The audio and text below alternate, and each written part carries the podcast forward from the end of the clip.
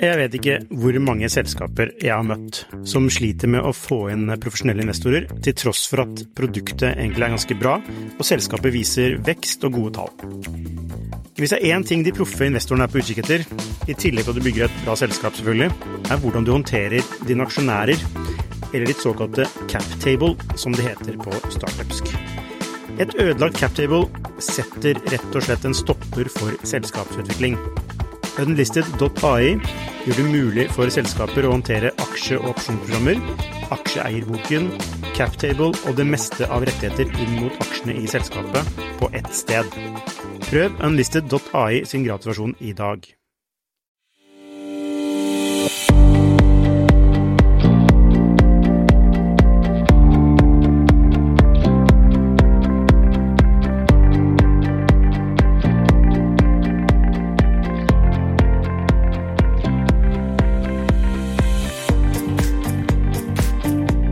Hei og velkommen til Skifters podkast. Ukens gjest er Chris Moen. Han har vært omtalt i en rekke ganger i Skifter. Han var medgründer i Nabobil, som senere ble solgt til eh, GetAround. Han var deretter medgründer i marketingbyrået Fullstack, som også ble solgt, og ikke minst var han medgründer i Teston, som ble solgt det også. Og alt dette skjedde før du var 30 år, eller hva, Chris? Det stemmer. Ikke at det var noe mål i seg selv, men det bare ja, Nei, så skjedde sånn. Ja, riktig. Noen har som mål å bli millionær innen du blir 30. Du hadde ikke mål, som, du hadde ikke som mål å tre- selge tre selskaper. Det hadde jeg ikke. Eh, og mm, hvem er det du solgte Teston til? Usertesting.com solgte jeg til, som er et eh, amerikansk eh, selskap. Og de er, det er på en måte sånn Rolls-Royce innenfor user-testing, er det ikke det? Jo, jeg vil si det. Vi eh, emulerte jo og stal litt fra de. Eh, Så dere kopierte de, og så, solgte, og så kjøpte dere? Uh, ja, kanskje man kan si det på den måten. Uh, litt på samme måte som kanskje nabobil var litt emulert av ja, Getaround og Turo og lignende. Ja, for det, det, når du sier det, så er det litt interessant. For det, det er jo ikke at ikke sant? For du har ikke laget selskaper som gjør noe helt nytt som man ikke som man tenker ville være behov for. Stemmer det. Bare egentlig vært forbedringer av noe som eksisterer fra før av, som også selvfølgelig jeg har jo laget mye selskaper opp igjennom. Um, men ny uh, da var egentlig at vi hadde prøvd å bruke det selv i fullstack marketing, men det funker veldig dårlig hvis du skal brukerteste på norske folk. Uh, nei, brukerteste norske produkter, men du har kun tak i amerikanere. Mm. Det hjelper ikke så mye, egentlig, når de ikke forstår noe av den norske kulturen og lignende. Ja, for du bare forklar hva, hva er det testoen er for noe? Testoen er en umo... eller var, eh, siden det har jo blitt uh, lagt ned nå, uh, uheldigvis, som var jo litt synd. Uh, men det var en brukertestplattform for umoderert brukertesting, sånn at man kunne teste med egentlig hvermannsen rundt om i Europa. Et eksempel. Nei, siden man tester ny funksjonalitet på skifter, da. ønsker å teste ut da mot eh, kanskje gründere som eh, er i denne demografien og det, ja, viss alder, liker visse ting. Eh, Så tar vi opp da skjerm og lyd og ansikt og alt, egentlig. Så kan du se hvordan de da eh, reagerer på den nye funksjonaliteten som dere holder på å teste. Stiller de spørsmål. Men du stiller jo ikke de spørsmålene direkte. Det er jo på en måte du lager en liste med spørsmål på forhånd, og så sender de, får de den lista. Og så, når du sitter hjemme i sofaen i sitt naturlige miljø, så tester de, da. og gir feedback. Ja. Og hvem er som, eh, hvem er som eh, var kundene deres, da? Litt forskjellig, men hovedsakelig så var det jo eh, BTC-selskaper. Så det var jo alt fra Schibsted til eh, ja, banker, forsikringsselskaper, eh, ja, startups, det meste egentlig. Som ville finne ut av hvordan brukerne interagerte med produktet deres? Ja, nye produkter, eksisterende produkter, teste ut prototyper, eh, nettsider, kampanjer, det meste egentlig. Ja. Eh, sånn at man ikke blir sittende i sitt eget ekkokammer da, og ja, eh, være nikkedukker. Og grunnen til at dere lanserte det, var fordi at eh, det ikke fantes noen eksisterende løsning i Norge. Hovedsakelig, ja. Så i byrået så drev vi jo med brukertesting, eh, og da prøvde vi å rekruttere egne brukertester for kundene som vi jobba med, men det var tungvint, tok mye tid, eh, så vi ønska bare en plattform som gjorde det mye enklere, som kunne gi oss svar på dagen på enkle ting som vi ønska teste. Eh, Så verdien ligger egentlig i databasen med brukere. Si det, eh, at det var lokal, eller hyperlokalisert, da, som jeg kaller det. At alt var jo på det lokale språket i landet vi gikk ut til. Og vi endte opp med å gå ut til Norge, Sverige, eh, Tyskland og Frankrike før vi eh, ble kjøpt opp. Ja, men så hvordan rekrutterer du disse folka? Nei, det var blanding av organisk, men også jævlig mye Facebook-annonsering Mm. i starten. Og da registrerer de seg, og da får de altså er det sånn, la oss- La oss si mange mennesker hadde dere på plattformen til slutt. hva sa du? Mange mennesker hadde dere. Eh, tror vi hadde Husker ikke helt nøyaktig, men tror vi hadde opp mot 50 000 eh, eller noe sånt. Jeg tror noe sånt, jeg husker ikke helt. 50 000 folk. Og, det, og da er det sånn eh, x antall kvinner, eh, og så har altså, du har alle de sånn demografi, demografiske variabler på dem. Ja. Så hvis noen skal teste noe mot kvinner mellom 25 og 30, så hadde dere liksom 3000 av de. For eksempel, ja. Og så spurte dere de, så var det kanskje 300 av de som svarte med en gang. Ja, eller da snakker du mer kvantitativ testing, Ja. Eh, så det her er jo mer eh, kvalitativt. kvalitativt. Okay. Så det har gjerne opp mot eh, fem-seks, da. Ikke sant? Å, ikke flere, nei. nei. nei for det, det, du skal jo rekke også å analysere de videoene som du får tilbake på alt fra 10 til 20 minutter. Eh, da kan du ikke ha 3000 300 av Mm. De. så det er ikke noen spørreundersøkelse. Det er det at du ser det akkurat som vi nå, da. Så, Mm. så hadde jeg sett på hva du gjør på skjermen, og hvordan du reagerer, og ser kroppsspråket ditt og Mm. alt. Ja, ok. Så, og så eh, eh, de, altså user testing kjøpte da testhånd for hvor mye da? Det kan du si nå, det er lenge siden. Jeg husker ikke hva som står i kontrakten, men øh, det er jo lett å regne seg tilbake på hvis man bare begynner å titte litt på proff. Men nei, det ble vel Sånn ish. opp mot 140. 140? Mm. Det er en fin sum, det. Ja, vi var veldig fornøyde med Ja. tanke på at vi bare hadde vært i markedet i to år og ja, øh, omsatte for hvert fall ikke så mye. Eh, Så hvorfor tror dere, hvorfor var de interessert i dere? Det var en blanding av ting. De skulle satse ganske sterkt i Europa. Eh, Vi hadde en litt mer selvbetent modell enn det de hadde. Og at vi selvfølgelig da hadde panel i Europa, eh, det hjalp jo veldig. Eh, Vi hadde tenkt å ekspandere aggressivt eh, videre. Så da ble det at da kunne vi ja, hjelpe de videre med ekspansjon globalt, da, og bruke den Vi hadde jo satt opp en metode for å ekspandere hyperlokalt i nye markeder, eh, som de hadde lyst på. da. Eh, hvordan vi da lokaliserte plattformen eh, teknologisk, og også selvfølgelig språkmessig og alt det der. Og Når du sier lokaliserte, betyr det at oversatte. Ja, Ja. men det er jo litt mer komplekst enn å bare få noe til å oversette, for du må jo tenke det, Når du skal lokalisere, så påvirker det alt. Mm. Alt fra produktutvikling, for det, da skal du også på en måte få det fra norsk, svensk når du lanserer ny feature. Da. Så Mm. er det jo på alle de språkene som du også har lokalisert det, så Ja. du legger på en ekstra Mm. eh, tidslinje der. Mm. Eh, og så må du ta høyde for hvordan folk eh, sier ting på en helt annen måte, hva en ting betyr. Det kan være en helt annen, noe helt annet i et annet land. Ja. Så det er veldig mye å tenke på. Du har da gjerne Hvordan finner du ut av det der? Dere må jo ha noen on the ground da, i det landet. Ja, vi hadde jo frilansere som jobba med, så vi hadde jo da gjerne en som var ansvarlig hovedsakelig fra vår side, som hadde ansvar for lokaliseringen. Um, og hun Og den rekrutterte dere lokalt, ikke sant? Ja, Det er, Det er en som vi hadde er- internt i huset, Ja. eh, som har ansvaret for det. Mm. Så vi hadde jo da en som var på en måte prosjektleder, eh, og så har vi jo da en eh, Eller vi hadde for hvert språk, da, så hadde vi en oversetter, og så hadde vi en sånn quality assurance-person som Mm. da skulle da kvalitetssikre oversettelsen til den personen, og da gjerne da en som som var eh, fra det landet da, som vi Ja. skulle oversette til. Mm. Så det ble jo en del koordinering mellom bare det. Hvordan gikk det i andre land utenom Norge, da? Eh, Bra. Nå rakk vi ikke å få Frankrike opp og stå før vi ja, eh, Mm. måtte integrere selskapene, men eh, det begynte å løsne skikkelig i Sverige, og, og Tyskland begynte å komme seg opp. Mm. Så, men eh, det er det som er jævlig vanskelig å ekspandere til nye land. Det er som å starte opp en ny startup i det landet, for ingen kjenner deg, du starter helt kaldt. Ja. Ja, ikke noe brand, ingenting. Så hva gjør du da? Nei, det, sånn som vi gjorde, det, vi ansatte en som var i det landet, som hadde kjennskap til eh, markedet. Eh, ikke nødvendigvis brukertestingmarkedet, men eh, til Tyskland f.eks. Mm. Uh, Jobba en del med lokale advisors, eh, som enten var fra enten eksisterende investor eller kjente noen eh, som var der nede. Vi da, siden vi skulle ha folk på bakken, så måtte vi Nå er det mye enklere med remote.com og deal og alt det der. Mm. Eh, men vi måtte jo da finne Eller vi satte jo faktisk opp en juridisk entitet i Tyskland, eh, Ah. og det har vi også gjort i hvert land. For Mm. vi skulle også satse på en del omsetning i hver av de landene. Så det var en del sånn skattemessige grunn til at vi gjorde det, men som i ettertanke angrer på nå. Uh, Ganske like på den akkurat nå. Nei, men det var et helvete. Uh, ja, Tyskland uh, kan si veldig mye bra om Tyskland, men akkurat på en måte det byråkratiske rundt Tyskland, det ja, skal jeg forhåpentligvis aldri være borte igjen. Det var ikke noe gøy. Nei, så, og jeg, jeg, ser for meg at du er en person som hater ineffektivitet. Ja.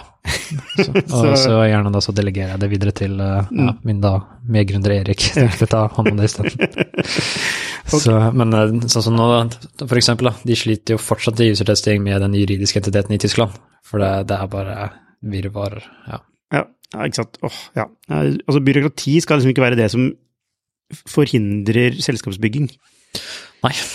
Men eh, ja, vi har jo noen ting i Norge også som sikkert kunne vært bedre. Men eh, ok, så dere, da, dere ansetter, eller får på Dere har en egen juridisk entitet? Ja, og så ansetter vi da en person som Så det blir da datterselskapet fra norske selskapet. Mm. Um, og så har det begynt å bygge opp en liten sånn markedsføringsmaskin rundt den personen, som også da vidt sånn som i Sverige også, så var det jo å fortsette å bygge på suksessen som han hadde, da. Men den personen må jo være helt superessensiell å treffe på, da? Ja. Det betyr jo alt. Absolutt. Det, hvordan, finner dere, hvordan finner dere den, den, personen? Nei, I Tyskland så fikk vi hjelp av rekrutteringsselskap. Ja. Uh, Må gi høy lønn nå? Ja. det, det, ble ikke billig. Uh, og det er akkurat samme prosess som når vi gikk gjennom når vi ansatte en nå i USA, da, i, mm. i Breita. Ja. Så da brukte vi et byrå som også var sinnssykt flinke. Uh, men uh, istedenfor å sette opp en juridisk entitet i USA, så har vi heller da gått gjennom noe som heter remote.com, da, som er sånn PO, eller Professional Employer, Employer Organization, um, som er det vi brukte også i testene. Men nå har det på en måte blitt litt mer stuerent. Remote.com, altså det skal gjøre det enklere å jobbe remote? Ja, du slipper å sette opp uh, selskaper, da, så de har på en måte sin egen juridiske identitet, så du ansetter, de ansetter på vegne av deg, da. Uh, sånn okay, at de får alle Sånn som hvis du ansetter noen i si Frankrike eller Tyskland gjennom de, mm. så får jo da den ansatte alle på en måte godene, da, som mm. om de skulle vært en vanlig ansatt istedenfor en frilanser. Ja, nettopp. Så. Men er de da formelt sett ansatt i remote.com? Ja, Gjennom, men på en måte sånn sudokontrakt, da. Ja. Mm. Interessant. Ok, så mm, da mm, Du sa at nå de la ned testoen? Ja, produktet. Produktet. Men har, er de fortsatt til Altså, er de like bra tilgjengelig i Norge og de andre landene som dere var inne i? Eh, ikke i Norge. Eh, så her er det faktisk en gründermulighet? Ja, nå har det jo kommet opp eh, et lite selskap, da. Ja. Av tidligere Teston-ansatt. Det er det, ja. Okay. som heter Testflow. Ja. Som så at det var en del ja, selskaper som ikke var så fornøyd med at det Så var hyggelig, da. At mm. de hadde jo begynt å sette en prosess rundt Tesson. Mm. Så da var det litt plutselig hull i markedet, som ble da fort tetta. Ja. av av Hans, eh, som er sykt ålreit fyr, som er kjempeflink selger. Han har jo bootstrappa det nå og gjør det sinnssykt bra. Er du investor? Nei, eh, jeg var litt ferdig med brukertesting-verden. Eh, lyst til å gjøre noe annerledes. Mm. Ja, og det annerledes annet, det er Breita. Ja. Og Breita, er det et CRM-system, er det det der? Ja, det er det vi kaller det. Mm. Og så hvorfor er det så spesielt, da? Nei, eh, det som jeg merka når jeg jobba i user testing blant annet, og i testene, var at det skulle være sinnssykt vanskelig å få inn mer data inn i CRM-systemet som vi brukte, annet HubSpot og Salesforce og PyTrive og lignende. Um, i user testing så var vi rundt fire personer og brukte seks måneder på å få stabla opp uh, tracking av et nytt produkt som vi skulle lansere, uh, altså et freemium-produkt. Og da skulle vi selvfølgelig sende de leadsa til selgerne som da kunne se de i Salesforce, og kvalifisere de som product qualified leads. Og det var en liten dramatisk prosess. Så... Jeg tror vi må ta ett steg tilbake før du går videre. Altså, CRM-system er også kalt Customer Relationship Management. Ja. Det er en måte for selgere å holde, holde kontroll med eh, alt fra tilfeldige folk til potensielle leads til da Faktiske salgsmuligheter. Faktiske salg, ikke sant? Så de tracker Man kan trekke personer gjennom en prosess da, ja. til endelig salg. Det er rett og slett for å holde kontroll mm. på hva som har blitt sagt, og hvem er det man holder på å selge til, og hva skal man selge til eh, det selskapet, eller eh, hva det skal være. Og gjerne så tradisjonelt så har det vært veldig fokus på alt fram til du closer en deal. Eh, men uh, sånn som vi selger gjerne i dag, så har også kanskje, iallfall i software, da, så har gjerne også en customer success eh, manager som gjør alt det som skjer etter salget. Mm. Men de sitter gjerne da i et annet system, selv om de jobber med samme kunden, Ja. uh, bare et annet sted i livssyklusen til da kunden. Da. Mm. Men de skal gjerne også ha innsikt i hva selgeren har solgt, hva selgeren har sagt, og når da på andre sida igjen, når man skal gjøre et oppsalg da, på eksisterende kunder, så vil gjerne selgeren som kanskje har ansvaret for oppsalg, vite nøyaktig hva Customer Success-manageren har sagt og gjort, og Mm. uh, alt det der. Så det er en historikk på en kunde. Ja, men da sitter vi altså gjerne fordi, selv om det er veldig lignende roller, da, så sitter de i to forskjellige systemer, Ja. og har notater og alt sånn i to forskjellige systemer. Så er det også vi prøver å bridge i Breita, og lage system som tar for seg hele livssyklusen, da. Istedenfor bare å fokusere på selgere, så er det også både salg og customer success. Altså, Her, Vil du si at det er basically det eh, Breita er? Altså det, er en, det, er en, det er en anerkjennelse av de to forskjellige rollene som egentlig per nå, eller fram til i dag, ikke har hatt en god eh, bridge seg imellom? Som dere en, da det er en del av det, Mm. eh, men ikke det eneste. For det, det viktigste med Breita er jo den datadrevne biten, hvor at vi lager eh, Prøver å oversette det til norsk her fra Mm. engelsk i hodet mitt, men en no code og eh, ikke kunne trenge å skrive noen spørringer da, eh, Mm. med koda for å få tak i svarene fra dataen, så rett og slett gjøre det enklere å få dataen som du som ikke-teknisk person, få det inn i CRM-systemet. Gi et eksempel.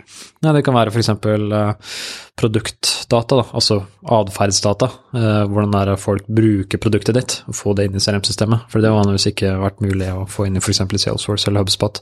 Sånn at du kan se okay, at de har signa opp, at de har eh, brukt denne featuren, eh, at de har sett på denne siden eh, og lignende. Så, Men er ikke det i Salesforce? Nei. eh, så det er det vi prøvde å få data fra noe som heter segment.com, som er en customer data platform, over til Salesforce.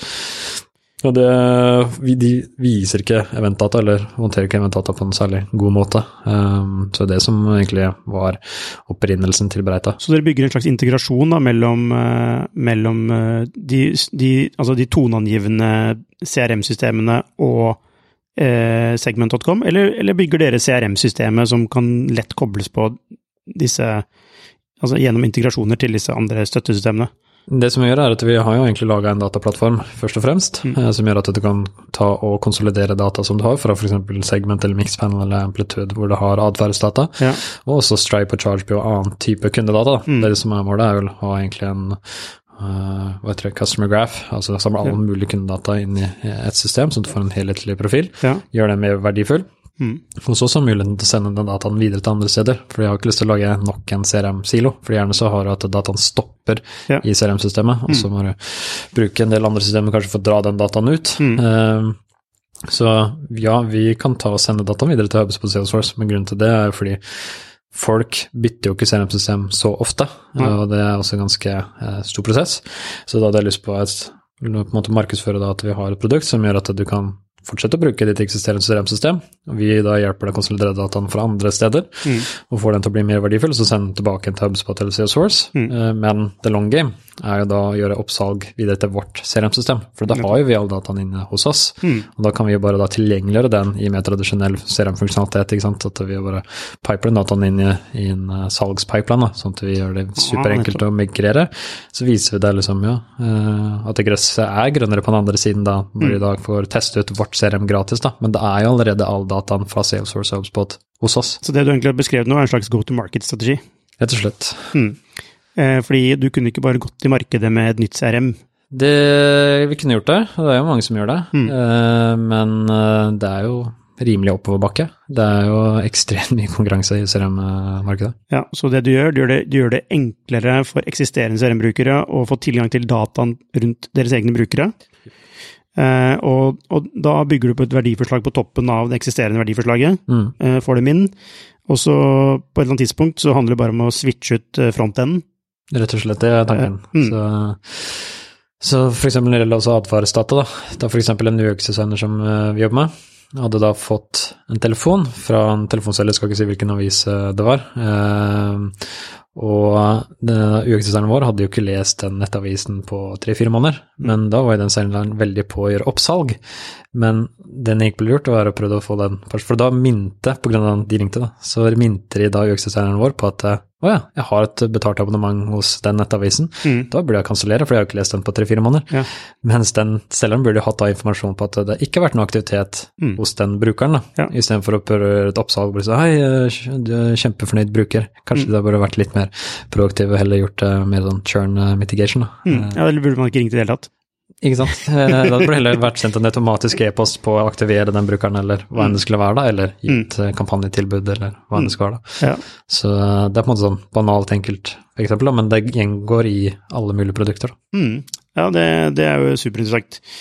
Ok, så, eh, så Breita er en slags Altså, kall det eh, Det blir jo en slags sånn segment.com. Kan jo, på mange måter, så kan det jo Det eneste forskjellen med segment er at du, du tar gjerne ikke action på dataene i segment. Eh, det er jo mer en hub for å samle inn dataen, og så sende den videre et annet sted. Men uh, du kan jo sette opp custom event tracking, altså uh, måle atferdsdata i segment, og kanskje vi også kommer til å gjøre det på sikt. Men akkurat nå så tar vi og ser etter integrasjoner hvor du allerede har dataen, da. Mm. For det er vanligvis ganske tungvint, som sagt, å få den dataen inn i andre systemer. Ja. Så da hjelper vi med å gjøre det litt lettere. Selvfølgelig ikke på den best mulige måten som å gjøre få se den innsikten i Breita, Mm. men det er på en måte kanskje ok nok. Og så, ja. Har dere noen kunder? I Breita, ja. Ja. ja vi har noen beta-kunder som betaler oss. Så, Ja. Og hva slags type kunder er det da? Stort sett som nå så er det software-selskaper, BTB SAS, Ja. um, som har alt fra såkorn til uh, børsnotert. Ja. Og hva er feedbacken så langt? Nei, de Hva skal Altså si Ja, hva kan du si? Du de betaler oss fortsatt, så Ja. de har på måned, månedlige kontrakter, så de er jo fornøyde. Ja. Uh, selvfølgelig, det er jo tilpasset, det er jo masse vi har fortsatt må gjøre, men uh, til tross for det, så er vi fornøyde. Men dere har henta, så, så vidt jeg kan regne, mulig at det er feil, men rundt 70 millioner til sammen? Ja, avhengig av når du ser på kursen eh, på dollaren eh, når du henter, Ja. men eh, syv millioner dollar kan du 7 millioner dollar. Ja, ja riktig. Nettopp. Har de noe, dere, har fått pengene, dere fikk jo pengene da dollaren var Ja. det den var på. Så var på 70? Ja, og dere har fått noen ganske noen toneangivende både tidligere gründere og investorer, altså internasjonalt kjente folk. Nevn noen eksempler. Nei, eh, vi har jo fått med alt fra Martin Henk, som var en tidligere eh, co-founder og CTO i PyDrive, som er, blir jo en av våre konkurrenter. Pipeline er et CRM-system. Ja, Ja, mm. eh, finsk. Nei, Estonia. Sorry, Estonia tror jeg det er fra. Mm. Han har jo solgt seg ut, så det ikke blir noe noen konkurrerende der.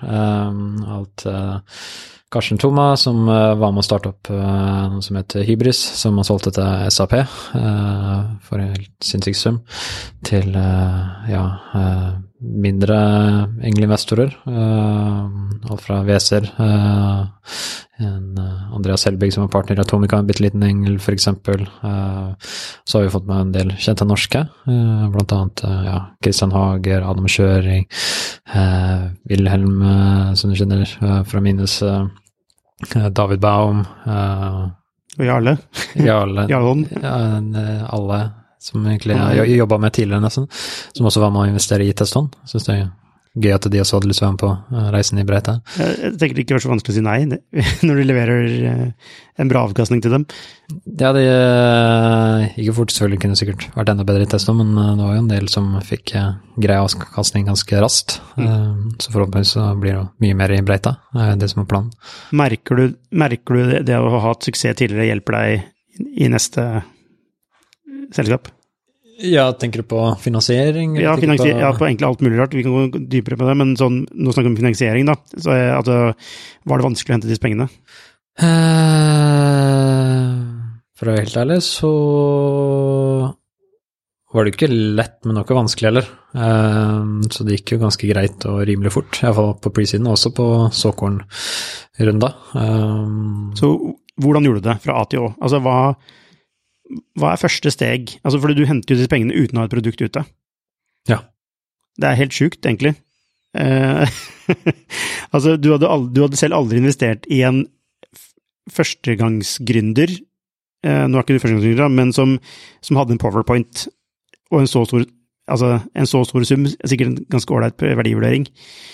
Eh, så det hjelper jo sikkert å ha gjort noe før. ja, ja, det hjelper mye. Det hjelper jo å ha en CV. Mm. Så det hjelper hvis at man har gjort det før, og iallfall ikke bare én gang, to ganger. Um, så hjelper det at man også har fått et uh, veldig bra team med seg. Jeg fikk jo med meg Jan Tore Vegard veldig tidlig, som er ekstremt flinke teknisk, mm. og veldig ålreite personer. Og så hjelper det også veldig at det, er en veldig ambisiøs plan, da. Mm. At vi skal bygge et CRM-system som skal gå opp mot HubSpot og Salesforce, noen av verdens største SAS-selskaper. Ja. Så det er jo ikke en liten add-on eller future som vi lager. Nei. Vi bygger jo faktisk en ja, Hvor viktig er det å ha store ambisjoner? Si det er ikke nødvendigvis viktig, det kommer litt an på. Um, det er mer viktig for meg selv, egentlig. Ikke så viktig. Det er ikke sånn jeg tenkte på det. For, overfor investor tenkte mer på at det, hva er det som er gøy? Mm. Um, da syns jeg det var gøy å gjøre noe som virka sinnssykt vanskelig, og som er jævlig vanskelig. Men hvordan, hvordan tar du kontakt med altså, disse internasjonale investorene og får dem med? Er det, er det via via, eller hvordan, hvordan, skjer det? Uh, det er via via. Mm. Så på Presets var det kjente jeg jo nasjonale, og så var det litt via via. Ja. Um, og på Såkorn så fikk jeg en del inngående henvendelser ganske tidlig, ja. så det begynte egentlig å bli eskalere ganske greit, og så tenkte jeg etter å spare med noen av de uh, engleinvestorene som hadde investert i presiden, om kanskje man skulle gjort noe ut av det. Eh, spesielt også siden vi hadde begynt å høre litt murringer om at eh, ja, makromessig kanskje ikke kom til å se så lyst ut uh, fremover. Mm. Uh, og bare hente pengene nå som vi kunne, da. Eh, ikke fordi at vi måtte, som selvfølgelig også er et veldig greit posisjon å være i. Mm. For jeg hadde akkurat close up siden nesten, for før vi henta siden. Mm. for vi lukka i siderunden da i april. vi balanserte den ikke før senere. Så da satte vi opp egentlig ganske tett program med å ja, aktivt gå ut og fundraise, da. Så da satte vi med mål om å prøve å få gjort alt i løpet av et par uker. Eh, som i retrospekt var altfor uh, tight tidslinje. Det hjalp ikke at det var plutselig påske uh, samtidig, mm. for det vi tar også gjerne påskeferie. Mm. Jeg var også syk samtidig, ja. så burde det kanskje ja, spredd litt ut istedenfor. Mm. Men var det noen som sa nei? Ja, det var flere som sa nei, for det var jo jævlig tidlig. Mm. Eh, jeg hadde jo ikke noe produkt og ikke noe piloter. Jeg hadde kanskje en nesten-pilot mm. uh, på, på, vei. Ja. Så Men det var veldig mange som var interesserte, og vi spilte selvfølgelig på det. Og så visste jeg også at det var noen som jeg absolutt ville ha med, blant annet Magne og Teder i Snø. Hvor la med de? Nei, jeg syns de er veldig flinke. Uh, prøvde å få de til å bli med hvis dere i den. Uh, de vil ikke? Nei. Nei. Når du sier de er veldig flinke, hva, hva, betyr det? Nei, for meg så handler det mer om ja, hvordan uh, Altså sånn i styremøtet med Magna, han stiller veldig gode spørsmål, utfordrer oss på ting, hjelper til når vi spør om hjelp, og pusher ikke på når på en måte ikke trenger. For mange ganger så trenger man bare å ha litt ro til å kunne jobbe og eksekute. Eh, så og bare veldig ålreit, eh, og veldig, veldig gründervennlig. Mm. Eh, så det var jo ikke så særlig krangling på liksom terms eller finne ut av liksom alt rundt finansieringen. Da var det mer sånn ok, det er, virker fornuftig, la oss gjøre det sammen. Ja. Har du opplevd det motsatte tidligere? Hva da? Eh, med altså investorer som ikke er så kule. Jeg vet ikke hvor mange selskaper jeg har møtt som sliter med å få inn profesjonelle investorer, til tross for at produktet egentlig er ganske bra, og selskapet viser vekst og gode tall. Hvis det er én ting de proffe investorene er på utkikk etter, i tillegg til at du bygger et bra selskap, selvfølgelig, er hvordan du håndterer dine aksjonærer, eller ditt såkalte cap table, som det heter på startupsk. Et ødelagt captable setter rett og slett en stopper for selskapsutvikling. Unlisted.ai gjør det mulig for selskaper å håndtere aksje- og opsjonsprogrammer, aksjeeierboken, captable og det meste av rettigheter inn mot aksjene i selskapet på ett sted. Prøv unlisted.ai sin gratisversjon i dag. Ja. Fortell om det. Du trenger ikke si hvem det er, men hva, hva kjennetegner, kjennetegner det? Nei eh, Jeg liker jo å tro at når man jobber som en venturekapitalist, da, at man er litt i samme båt. Selvfølgelig man skal jo skape avkastning for sine uh, investorer igjen, sånn som de har, uh, men stort sett så vil jo gründeren også det beste for selskapet. men mange ganger så må man kanskje også slåss da mot de f.eks. som er eh, på cap-table da, hvis det er noe de ikke er enig i, og da er det mange måter hvor det er muligheter til at det kan kanskje ta en litt mer sånn ufin vending, da. Ja, du opplevde det? Ja. Mm, på, på, på hvilken måte da? Nei, alt fra å få andre eh, VS-er til å kanskje trekke et term sheet uh, som kommer på bordet, eh, til å ja, skape kvalme mot andre med gründere. kan være mye forskjellig, så kan nesten ikke nevne Du trenger ikke nevne navn, men bare sånn hva eksempler på ting. Ja, du nevner det nå. Ja. og, og altså hvordan kan man altså det, det, kan ikke du svare på, da, men jeg lurer på hvordan en investor kan tenke at det styrker selskapet? Nei, jeg tror ikke at de tror det. Jeg tror det handler kanskje litt mer om uh, arroganse og lite selvinnsikt uh, på hva som ledet til det utfallet. Mm. Uh, ja, ikke ta selvkritikk på det i etterkant. så mm. også i retrospekt så burde jeg kanskje ikke involvert noen i visse prosesser, og gjort mer selv, da, som jeg mm. også har gjort nå i etterkant. Eh, men eh, det er jo eh, mye rart der ute. Mye rare terms, og mange som kanskje er litt for opportunistiske og setter seg litt for mye for bakbeina ved å da passe på at det kanskje ja, mange som lover gull og grønne enger, da, uten å faktisk levere på det. Og da spesielt hvis man er førstegangsgründer, så er det veldig lett å tro at ja, ja, da penga kommer, ikke sant, ja. så lenge vi eksekuter. Mm. Men selv om det eksekuter, så er det ikke sikkert de penga kommer, med mindre du faktisk har det på bankkontoen din. Uh, Hva er eksempel på rare terms? Uh, nei, det er mye forskjellig, egentlig. Uh, mye kan være på kontroll uh, av selskapet, hva man kan si nei til, og hva som på en måte er i Altså slags veto? Ja, veto på forskjellige ting. det er Advokater er mye flinkere på meg til å forklare det. Mm. Jeg er veldig glad for at Remi Selmer til å bistå i egentlig ja, fra nabobiltida, og selskaper som jeg har jobba med. Uh, mm. Vært Selmekund og Remi-fan. Uh, kan du avsløre at uh, Remi skifter også benytter benytte seg av Remis tjenester. Nå får du altfor mye reklame her, Remi. ja, nå burde jeg få en jævlig fin lunsj av Remi snart. Det er mange ting med Remi jeg kan si som er negativt òg, bare så det er sagt. Nei, det er, ikke, det er ikke egentlig ikke det. Men det finnes mange dyktige advokater. Men ja, det hjelper å ha en ålreit advokat. Ja, herregud. Mm. og også lese seg litt opp sånn at du forstår litt mer. Du har jo en bok som heter Venture Deal, syns jeg skal Brad Felt, uh, hvor han forklarer veldig mye av hva de forskjellige termsa betyr, og lignende, og hva det blir sett i termsheet og lignende. Mm. Så, så, så husk at Byfounders har også vært veldig transparente på hvordan et bra termsheet kan se ut. Ja. Eller gründervennlig termsheet. Um, så der, eh, det er mye Anbefaler du å sette ordentlig inn i det? Iallfall nok til at du forstår det litt. Mm. Uh, det også selvfølgelig kunne spare med en advokat på det, men uh, da så gjerne da man har en advokat som kan backe opp, da. Hvor mye har magefølelsen din hatt rett i om det er bra eller dårlige investorer? Uh, nei, som sagt, så har jeg kanskje vært litt uheldig noen ganger, uh, så da har jo ikke magefølelsen stemt i det hele tatt. Uh, så det er vanskelig å si. men gjør alltid Noe som jeg fokuserer veldig på nå, er å alltid gjøre due diligence på investor, da, ja. uh, før jeg i det hele tatt tar med de på captablet. Mm. Og ikke bare prat med selvfølgelig de som de gir til deg, de referansene, men prat med ja, andre selskaper som de ikke har gitt. da, Akkurat som når du gjør en ansettelse, da, mm. for å finne ut er det noen røde flagg der. Um, og om du selvfølgelig er villig til å akseptere det, så er det fine og opp til deg, men da vet du i hvert fall vite hva det går inn i, da.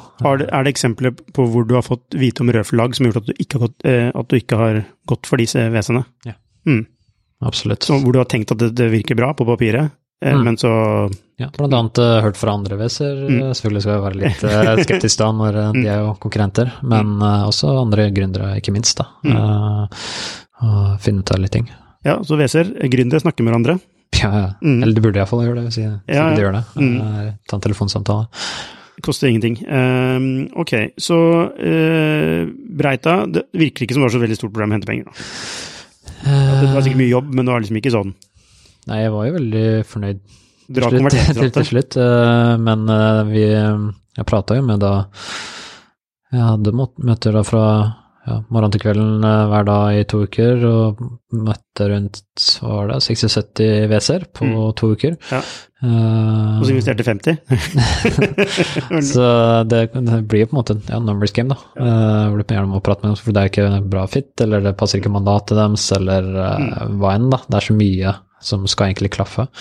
Så til syvende og sist tror jeg det var fem-seks som var gira.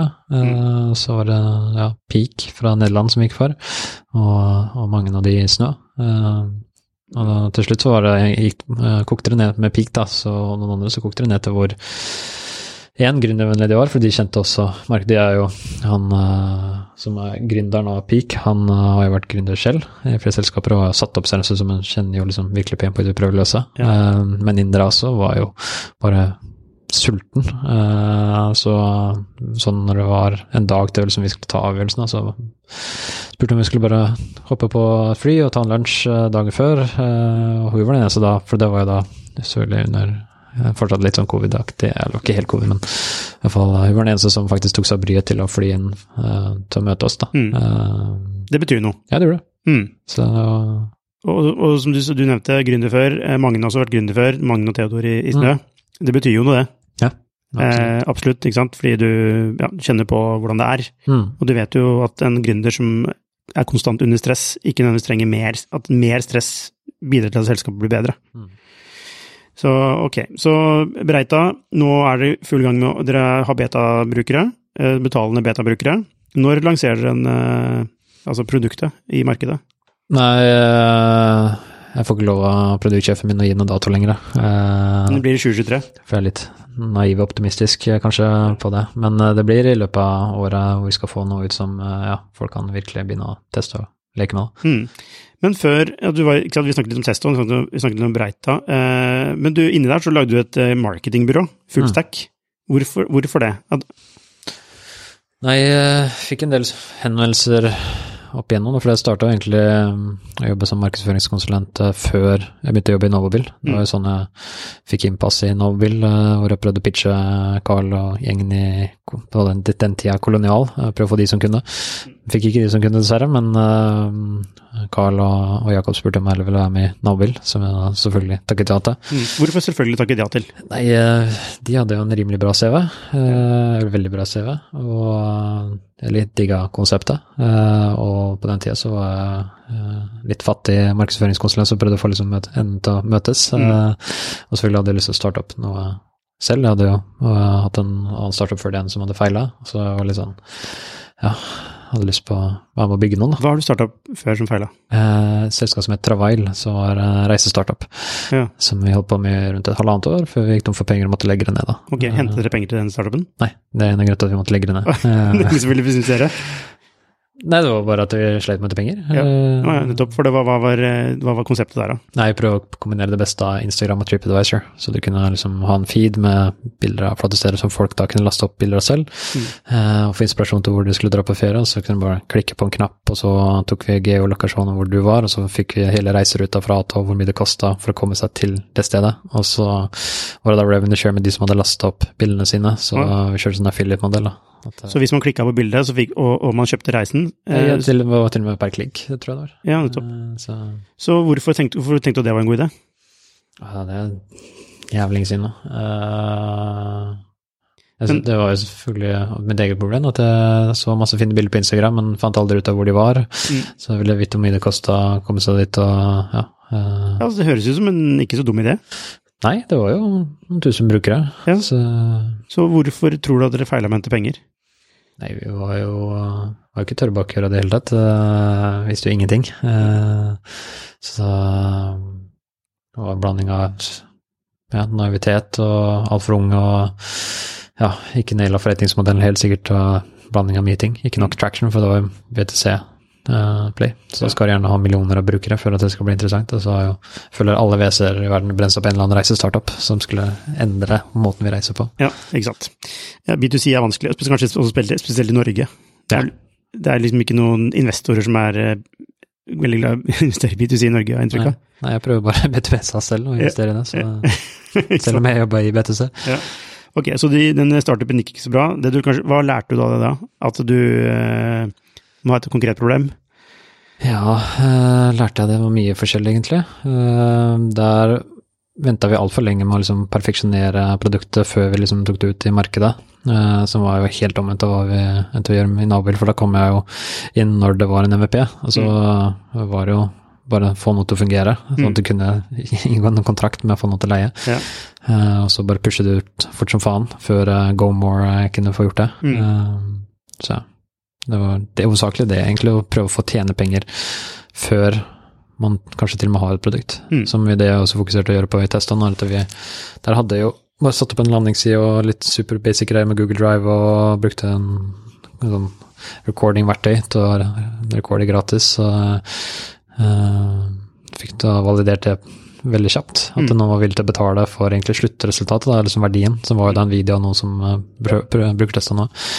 Så da, det husker jeg faktisk. Jeg tror det var uh, Simen, han eh, CTO-en i Otovo, som var en av de første da som prøvde det. ja. Eh, Simen Fure Jørgensen. ja. Ja.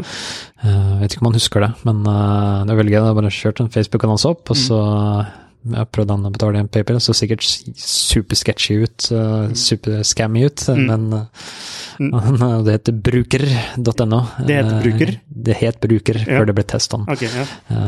Så Det var den der R-perioden. jeg, jeg er i hvert fall ikke noen designer, eh, så den landingssida så helt for jævlig ut, men det funka da. Det var noen som prøvde å betale for det, så du tenkte det her er liv laga. Ja. Ja, og, og eh, det er jo kanskje noen tips til gründere. Ja, både og. Det, jeg tror det har blitt Nå er det mer og mer konkurranse, det er jo lettere og lettere å starte om startup, så nå tror jeg det må ikke fokusere for mye på MVP, men ja, det går jo an å validere det iallfall. Og så eh, ta liksom Er det ikke sånn at du må, bør gjøre det? Jo, du burde få det. Få det validert før du går all in? Ja, vi gjør jo ikke det. Jeg- Den eneste måten jeg validerte på i Breita, da, eh, for det å bygge CRM, det tar jo år og Mm. jævlig mye penger. Eh, Spesielt hvis du skal konkurrere opp mot ja, de største av de største. Um, så da blir det jo å fokusere egentlig på å få validert det før du nødvendigvis har bygd produktet. Da pratet jeg med opp mot 100 selgere og customer success-folk, eh, og prøvde å høre liksom hva slags problemer de hadde. Og så gjengangen en gang var jo da det problemet som jeg hadde hatt også, da, så jeg fikk liksom validert selve problemet. Og så bygge et produkt rundt det. Har du en bias når du går Hadde du, hadde du ideen? For du hadde jo ideen før du ikke fikk, fikk det validert. Du hadde ikke Jeg- ideen? Jeg hadde en annen idé. Ok, hva var ideen da? Var det Det var uh, å gi feedback til selgere. Eh, Jeg husker ikke nøyaktig hva det var akkurat nå, men det var et eller annet sånn add-on-produkt til CRM som på en måte gjør det enklere å gi feedback som en salgssjef da, til selgere. Ja. Uh, Så jeg prata da med masse salgssjefer og sånn, og så begynte vi liksom prate om forskjellige ting og høre liksom hva generelt var liksom de store problemene som de hadde i hverdagen. da. Mm. Så en spesiell samtale jeg husker var med, med Ralf i Ardoc. Ja, han var veldig på det. Bare ha oversikt over kundereisen og ja, eh, gjøre det enklere å få data inn og lignende. Mm. Og så litt sånn katalysator, da, bare. Ja, jeg hadde jo lignende problemer i user testing og i testhånd, Mm. eh, men add-on-produkt bare, det føles ikke stort nok ut, eller interessant nok ut, så da tenkte jeg kanskje det er bedre å tenke hvordan CRM blir bygd fra bunnen opp igjen. Mm. Uh, og egentlig passe på at det er tilpassa hvordan vi selger i dag, og ikke hvordan vi solgte for 20 år siden, som er Mm. gjerne da Salesforce og HubSpot etter hvert begynte å dukke opp. Ja, ikke sant. Og ja, har han uh, senere blitt kunde? Uh, dessverre ikke blitt kunde ennå, eh, men uh, blitt investor, da. ok. Og er det noen av de som du intervjua i første runden som er kunder nå? ja, tror jeg. Er det egentlig en veldig smart måte å både etablere kontakt og, eller, og, eller sånn Jeg vil si det. Ja, og så liksom, ok, hva er problemet ditt? Ok, greit. Og så kommer du tilbake seinere. Du, eh, jeg har nå en løsning på problemet ditt. Mm. Det er en mye finere vei inn enn en sånn kaldsalg fra en møtebooker, vil si det. som du ikke har eh, Hvor du ikke Eh, Men er det en sånn, er det, er det triks? For jeg har ikke tenkt på det før nå. Det er jo kjempesmart, egentlig, å gjøre det, ta den runden der. Ja, det er jo mer sånn ja, product uh, discovery, da. Eh, Mm. Finne ut av ting og sånn, og så selvfølgelig uh, holde kontakten senere og sånn, og si hei, nå har jeg laga en prototyp eller MVP, jeg har lyst til å sjekke det ut. Eh, Ja. Og så er det ikke sikkert det passer da, og så fordi for eksempel, der er jo ganske businesskritisk system, da. Så det er ikke sånn at du bare hui i hast eh, tar og bytter og prøver ut noe nytt. Um, Men konkret, du, du møter dem, og så hva, hva slags spørsmål er du stiller da? Har du ett spørsmål? To spørsmål? Eller hva? Nei, da går det selvfølgelig litt an på hvilke emner man kommer inn på, da, for det må jo uh, følge flyten litt, men uh, jeg har gjerne en liste med 10-15 spørsmål da, som går gjennom. Ja. Og så ser du etter mønster i svarene. Hva er problemene de har, da? Mm. Uh, er det noen gjengangere der? Ja. Og du snakket med over 100 stykker. Ja. Og, og var det tydelig at det, Var det et sånn tydelig problem for mange? Ja. Og det selvfølgelig var jo hjelpe også, da, når vi henta penger da, til pre-siden. Si sånn, det, er ikke bare det er ikke bare jeg som sliter med det, Nei. det er flere. Mm. Det her er løsninger som vi tror kan løse det problemet som mange av de har. Ja. ja. Uh, det høres ut som du har lest uh, Predictable Revenue Det har jeg, tror jeg. Ja, Aaron Ross. 100 år siden jeg jobbet. Jeg tror i Sneta. Da ble jeg interessert i det av Thomas Sørbø. Ja. Han har også lest den. Uh, han, har jo, han bygde jo opp salget til nettopp Salesforce, Mm. og snakker om eh, metodikk. Ja, det jeg tenkte meg, det jeg lærte han, var at du skulle sende kalde e-poster og høre om det var du som var ansvarlig for den og den tingen i det selskapet. Kan du referere meg til en annen person, hvis ikke du er den personen? Ja, Bruker du den fortsatt i dag? det kan, ja, call the outbound, det er noe som eh, stadig forandrer seg, nesten måned etter måned. Ja. Ok, så mm, eh, da har du ja. Hvordan jobber dere nå med salg i Breita, da? Altså, Bruker dere Breita selv, i Breita? Ja. Mm. Selvfølgelig, det er jo ting som uh, gjenstår der på CRM-biten, men uh, ja, prøv å dogfoode så godt som mulig. Uh, Ja. Mm. Ok, vi er tilbake til Oravien. Vi var på, vi var på nabobil. Eh, jo, du, har pitch, ja, du, pitch, du pitcha ideen eh, først, Det første, altså tra, eh, Travail. Travail, Travail. Eh, betyr, betyr det jobb på fransk? Helt sikkert, jeg husker ikke. Det var, det var, det var, ikke det Jeg tror det het noe annet, betydde noe annet, men jeg tror det var bare sånn random travel uh, Men det gikk i hvert fall ikke så veldig bra. Nei. Men du lærte litt ting, og så trengte du penger, så du jobbet som eh, markedsføringskonsulent. Du pitcha en idé til eh, Kolonial. Hva var ideen du pitcha? Det er bare forskjellige markedsføringsting som kanskje de kunne forbedre. Så jeg bare calla Carl ut på Twitter og sa hei, har du vurdert å gjøre det sånn og sånn? Og så fikk jeg et møte, og så kom jeg med noen flere ja, forslag, da. Så du imponerte han ikke nok til å bli, eh, at han ble kunden din, men eh, godt nok til at du kunne bli med i startupen hans, da. Mm. Eh, Nabobil, som han starta med Jakob Tverbakk. Mm. Eh, og da fikk du også Du fikk jo tittelen co-founder eh, og CMO. Eh, og hva, hva Gjorde du noen triks der? Altså, var, det, var, det noen var det noen ting du gjorde der som fikk en voldsom effekt? Eh, Det var jo en blanding av forskjellige ting, men i starten så var det bare å passe på at ikke vi hadde en type som heter det, Ghost Town. At vi ikke kommer på en tom markedsplass. Det er det verste når du lanserer, at vi på en måte hadde biler allerede på plass.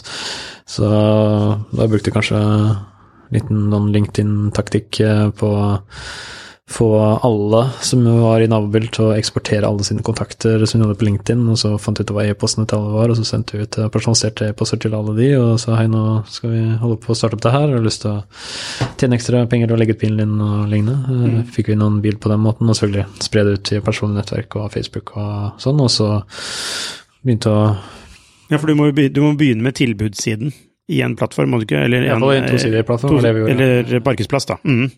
Så må du begynne med tilbudssiden. Ja, så Christian Hager sin bil var den første bilen eh, på Nobel, tror jeg det var. Ja. Eh, som Han var også CTO, var han ikke det? Ja. Og, eh, Det var han og teamet som bygde det. mm. og da, dere fikk inn nok biler, hvor, når skjønte dere at dette er noe som dere hadde tro på? Nei, med en gang vi lanserte. Ja, ja. For vi fikk jo eh, ganske mye blest i media også. Uh, og veldig bra. Det var jo veldig eh, hot om deling og delings- Delingsøkonomi. Ja, som ble veldig trendy. Mm. Uh, um, Ingen, ingen snakker om det lenger. Nei. eh, og Aftenposten skrev om oss og lenka direkte til oss. og- Oi, bra CEO, da. Ja, det er ikke bare masse direkteklikk og masse Ja. trafikk, uh, og så balla det på seg, da. Uh, så um, veldig heldig, da. Det var jo prøvd at Jeg tror Christ, du har jo prata med Kristian om det her tidligere. Tima det Jeg husker ikke noe Christian eller andre som hadde prøvd å ringe GoMore for å finne ut av når de skulle lansere, og så passa vi på at vi i hvert fall var noen timer før, eh, sånn at vi fikk all eh, pressa. Ja. Eh, Ok, men nabobil gikk jo bra, det. Eh, ble solgt for 115 millioner eller noe, for noen år siden. Eh, men du solgte deg ut før det. Ja, så da prøvde å få litt penger til hus og div, og Ja. så gikk jeg også litt grann til eh, fullstack, som igjen da også gikk til testene, så det Ja. balla på seg. Så. Fullstack var da et marketingbyrå. Ja. Som eh, du, du tenkte det var et rom for et marketingbyrå. Ja. Mm. Fikk jo den hendelsen på å hjelpe folk litt pro bono Ja. med markedsføring, og så ble det nok til at jeg kanskje begynte å tenke på at jeg burde ta betalt for det. Mm. Så eh, fikk jo en del kunder fra dag én. Ja, noen du jobba for, var, var jo faktisk David Baum og Jarle Holm i Monner. Mm. Eh, en del andre. Ja. Eh, det gikk bra. Ble solgt i 24-7 Office, eller ja. Eh, Majoriteten, iallfall. majoriteten. Eh, du solgte deg ut. Eh, og, men mange av altså, Men det virker som altså, Teston ble liksom starta liksom litt sånn inhouse i fullstack, eller? Ja, det skulle bare være sideprosjekt. Ja. Og så ja, fikk jeg lov til å jobbe litt på sida med det. Vegard og Erik, da, som jeg starta opp Fullstack med. Mm. Og så begynte det å ja, Fikk validert det, som jeg nevnte tidligere, og så begynte det å balle litt på seg, og så spant vi det ut i et eget selskap og fikk henta litt penger og fikk eh, kjørt på med det. Og det da så fikk vi da penger fra ID-kapital, eh, som var katalysatoren for at det, det gikk bra med Tesson, sånn at vi kunne begynne å bygge team og, og videreutvikle det. Mm. Eh, De, de er jo kjent for å ta ganske stor eierandel. Ja, de investerte jo helt vanlig i, Mm. i, i, i testene. Så Anders Brandt hadde jo eh, erfaring fra uh, kvalitative intervjuer og, og kvantitativ, da. Ja. Uh, for han kom jo fra den verden også. Mm. Uh, så da måtte vi få noen til å ta over ordet i fullstack, uh, som ble Fridtjof, som nå fortsatt er dagleder her. Og ja, han ville ha gjerne noen som var litt mer aktive eiere, ikke bare sitte på sidelinja Ja, og, okay. Ja, ja. cashe inn. Mm. Så da, derfor endte han med å få en aktive, mer aktiv eier, som da ble 24-7 Office. Um, så, og selvfølgelig, det ga ville jo at vi skulle fokusere 110% på tester nå, Ja. så da ble det litt sånn. Ok, så fullstack, eh, så Teston, og vi har snakket mye om Teston. Men eh, dere solgte jo. Teston. Hvordan var den prosessen? Nei, det var litt tilfeldig, Ja. eh, rett og slett. Var det dere Eh, som Dere spurte ikke om noen om uh, Så vi holdt jo på å eh, få på plass sin finansiering til Serie A, og hadde en del interesse der. Eh, Og da også plutselig kom User Racing og spurte om et mulig partnerskap, eh, som alltid er føler, et mulig partnerskap? Ja, det føler jeg alltid Er det sånn. kode for 'vi vil kjøpe dere'? Eh, Noen ganger så føler jeg det når det er sånn Chief Corporate Strategy Officer som kommer eh, i møte. M&A. Eh, ja. eh, selvfølgelig, det er legit også mange ganger. Da. De starter gjerne mange eh, ja, ja, vet Oppkjøp starter gjerne med et partnerskap først. Mm. Se hvordan det funker, jobber man bra sammen, alt det der. Eh, men nei, de var gira på å kjøpe opp, da. Eh, spesielt når de visste at vi hadde uh, termsheet kanskje da rett rundt hjørnet, og, og kanskje da skulle virkelig begynne å ta opp kampen mot de da.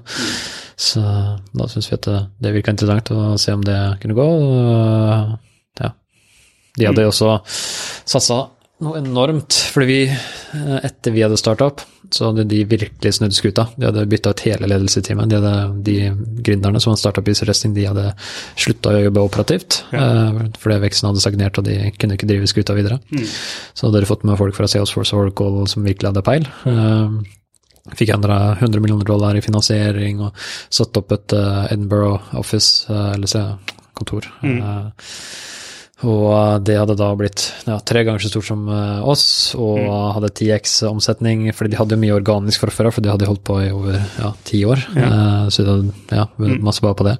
Uh, så da skjønte vi også at det kanskje hadde kommet til å bli litt mer oppoverbakke, da, og slåss mot i Europa enn å bli med de. Da kunne man gjøre noe større sammen. Uh, og så virka det Det hadde ikke sagt noe, men med da ledelsebytte, da, med folk som har vært med på børsnotering og sånn, så lukta det kanskje litt at de skulle gå på børs også selv. Fordi de omsatte jo for eh, da over 100 millioner dollar i ARR og vokste 40% i året. Så jeg tenkte kanskje det kunne vært litt kult å plutselig gå fra en liten serie A startup i Oslo til å være med å gjøre et uh, selskap eh, børsklart da, uh, i USA. Og de endte jo opp med å gå på børs, så det var veldig gøy. Ja, og, ja, for du var med på det? Ja, eller slutta rett før jeg. Men du, den prosessen, den var ikke, den var ikke Altså, ok, de sender en melding på LinkedIn, eller? Nei, mail. På mail? Partnerskap? Du svarer selvfølgelig ja, la oss ta en prat. Ja. Hva skjer i første møte? Nei, bare fortell litt om selskapet og status, liksom, uten å fortelle for mye hva vi driver med Mm. og sånn. Legge litt følere. Uh, og så kom det veldig fort fram at kanskje ja, det var mulighet her da, til at de ville kjøpe oss opp. Så da får vi se på det. Så var det jo ekstremt mye fram og tilbake etter det, med forhandlinger på termsheet og alt sånt også fra de. Ehm, men da hjalp det også kanskje det hjelper å ha et annet termsheet i bakhånd da, fra andre WC-er, som vi da kunne liksom ta litt opp mot hverandre. da. Ja, et såkalt uh, BATNA. Jeg har aldri hørt uttrykk. Best alternative to agree, uh, negotiated agreement. Ja, ikke sant? Mm. Eh, så da fikk vi jo pressa prisen opp, og eh, eksisterende investor også ville jo at prisen skulle Siden det var jo veldig tidlig, Mm. at det skulle være til et visst nivå, da, Ja. eh, før det var, ble godkjent til styret. Eh, Så det foregikk da fra oktober til 31. desember, så det var en jævlig stressende jul. Eh, hvor det var ja, kudos til Remi, som det Der er ikke noe oppfordring til at man skal jobbe på julaften eller eh, i romjula og alt det der, men han var veldig tilgjengelig når det trengtes, da. I det. Men eh, det verste er å sitte da på julaften på pinebenken og ikke hørt noe fra to dager på ISU-resting på liksom siste mot-tilbudet som vi hadde i, da. Ja, hva, tenk, hva føler du da? Angst. Eh, ikke så hyggelig julaften kanskje fra min side. Nei. Litt stressende, for å si det mildt. Men eh, heldigvis så fikk vi da blitt enige 31. desember, og Men holdt du hodet kaldt? Klarte du det? prøvde så godt som mulig. Ja. Eh, Var, var, du frista til å spørre hva skjer? ja, ja, som faen. Uh, sende mail liksom bare sånn Hei, fikk du e-posten min? Ja, Eh, sant, ja. typ. Eh, spesielt når det går sånn tre dager, og det har kanskje vært litt Du begynner jo selvfølgelig uh, Hva heter det eh, Hva heter det på norsk? Eh, Self-doubt. Eh, Ja, du, du tviler på deg selv? ja, eller? til- jeg rett tviler på meg selv. Ja. Eh, På, har jeg vært for hard på forhandlingene? ikke sant? Mm. Spurte jeg for mye? Alt det der. Og det var jo mange ganger også kanskje vi pusha bitte litt fælt. eh, For det opp til et visst punkt så har hun da fritailer hun da Mona, da. Mm. Så jeg er helt rå. Eh, veldig glad for at jeg ble på hennes side etterpå. eh, på hva hun har mandat til å gjøre av styret. og så når det går over en viss sum, så må hun da ha styregodkjennelse. Mm. når vi begynte da å gå opp til styregodkjennelse, så begynte det å på en måte ja, begynte å tære litt på forholdet etter hvert, da. Mm. Så jeg tror vi fikk virkelig skvisa den Sitronen? ja, helt til nesten det falt igjennom, faktisk. Ja. Eh, Men det er ikke der det skal være, da? Kanskje litt før, eh, for Ja. det var et par ganger hvor jeg faktisk trodde at det ikke kom til å bli noe deal i det hele tatt, fordi Mm. vi krevde rett og slett for mye, og det sa vi også noen ganger. Eh, Så heldigvis gikk det gjennom.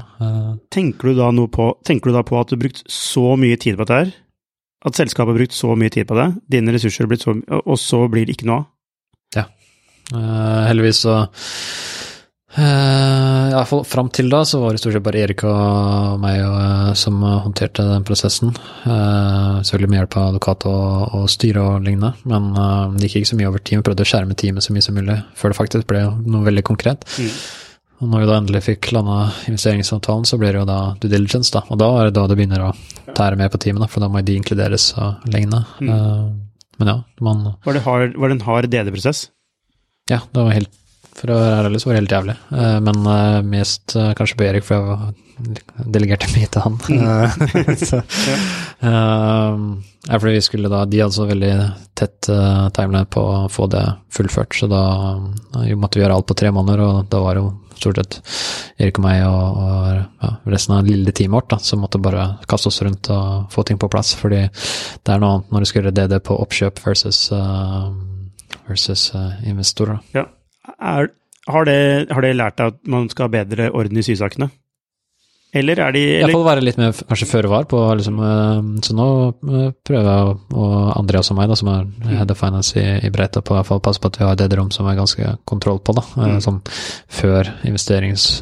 Hvis vi skal hente en serie A, eksempel, da. Mm. Sånn at vi slipper alt i siste liten. For det, det ble mye. Jeg tror nesten jeg knakk Erik. Det var nesten før liksom, bristepunktet hans eh, ble nådd, tror jeg. Så han er evig traumatisert av den opplevelsen. Ja, jeg så han her på gata om dagen, og så han fortsatt litt traumatisert ut. Nei, han gjorde ikke det. Uh, eh, ok. Når det er klart at det er enighet, hva føler du da? Jeg rakk nesten ikke å følge noe, for det var rett på DD. Uh, så Nei, jeg, jeg, jeg tenker på altså, når DD-en Og når alt er ferdig? Ja, mm. Eh, Tror du det på en måte er ikke sant? Antiklimatisk Uh, det, Ja, det husker ikke nøyaktig. Jeg syns jeg husker at uh, Eller jeg husker faktisk eh, det var litt spesielt, fordi det var en uke inn i covid. Eh, Det var 18. mars, vi hadde closing-dagen. Ja. Eh, Og 18. mars da var jo sånn akkurat da Så det var morsomt, fordi Det var ikke morsomt, mener jeg. For de hadde tenkt å møte oss, og vi hadde tenkt å dra over til USA, liksom Ja. være venner og alt det der. Men de måtte jo selvfølgelig kansellere da i siste liten og komme og alt det der. Eh, 18. mars også er bursdagen din. Eh, og det var også den dagen jeg ble 30 år. Mm. Eh, så det ble en veldig rar feiring, hvor jeg da sitter eh, i lockdown eh, med kona mi og ja, uh, søstera mi. Skulle egentlig ha en jævlig svær fest Ja. og eh, liksom, ja, være litt kongene på byen, da. Mm. Liksom med 30 år og så, akkurat som selskapet mitt, eh, alt det der. Men eh, så det var litt trist. Ja. sånn Men fikk du tatt den senere? Nei, Nei. jeg fikk, jeg fikk barn, så Ja, det er ikke hun for barn, det er fint for barn, men det, ja, ikke så mye fritid, etter det. ikke så mye fritid etter det. Ja, for nå har du fått to barn, faktisk. Ja. Mm. Så, og du, du startet jo med å si før eh, opptaket at du har hatt en tøff natt. Det er jo det det er når man har små barn.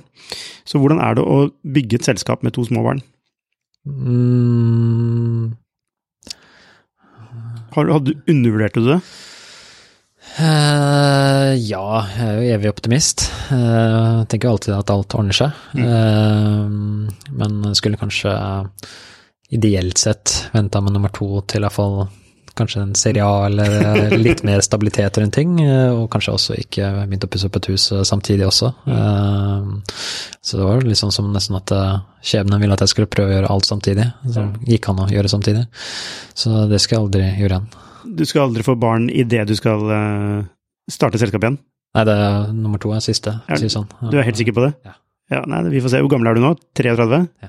Ja, ja, det er ja. Fortsatt mulig. Det, det, nei, det er sikkert. Det er helt sikkert? Ok, Ok, men eh, du, eh, eh, altså mm, Så den salgsprosessen høres ikke så veldig behagelig ut, men det er digg å være ferdig med den. Dere får eh, penger, og da kan du starte Du kan da starte Breita, som vi snakket om eh, i stad. Eh, hva Hvordan ser du for deg veksten til Breita fremover nå? Nei, Altså, hva må dere bevise nå? Hva er det neste dere må bevise for å få mer penger? Det er jo litt forskjellige ting. Eh, selvfølgelig å, få opp eh, omsetningstakten, eh, og få det til å bli en litt mer repeterbar modell. At det, det går an å selge produktet uten at jeg er involvert i noe som helst, så vi har begynt nå å validere, da. Ja. At selgerne klarer liksom å stå på egen hånd uten at jeg trenger å være med. Selvfølgelig vekst, uh, måte for måte vekst og årlig vekst. komme opp på et nivå som er kanskje litt mer spiselig for de som gjerne investerer i Serie A. Da må du kanskje være oppe og nikke mot eh, 1 million dollar i ARR eh, eller mer. Eh, Litt avhengig av hvem du prater med og hvilken side av damen man prater med. Um, så Har dere utenlandske kunder? ja, vi har noen amerikanske kunder. Ja. Er det Hvem er idealkunden din? Altså hvis du må velge. Nei, per dags dato. Nå bygger vi et system som er veldig fleksibelt, og man kan skreddersyre til hvilken som helst forretning og forretningsmodell. Mm. Så uh, hvis det er noen her som lytter som jobber i et Mm. bank- eller forsikringsselskap, eller egentlig hva som helst som jobber i CRM, så ta gjerne Mm. kontakt med oss. Ja. Men uh, det selgerne fokuserer på nå, da, med dataproduktet, det er jo gjerne da software-selskaper som eh, har henta side, eller gjerne mer, uh, som gjerne også kanskje har en eh, B2B SAS. ja, B2B SAS, ja, og som gjerne kanskje har en selvbetjent modell også. Ja. Så det, det prøver de også gjerne å identifisere leads som kommer inn uh, gjennom produktet. Da. Mm. Um, egentlig, Så det er tech-selskaper. akkurat nå Ja. er det det. Men, Hvorfor det, eh, egentlig? Nei, de har gjerne da de integrasjonene som vi har på plass i vår eh, plattform. Da. Så da er det litt mer lavthengende frukt å gå etter de, siden trenger vi å bygge nye integrasjoner for å få med andre. eh, eller mekke noe API, eller hva det skal være.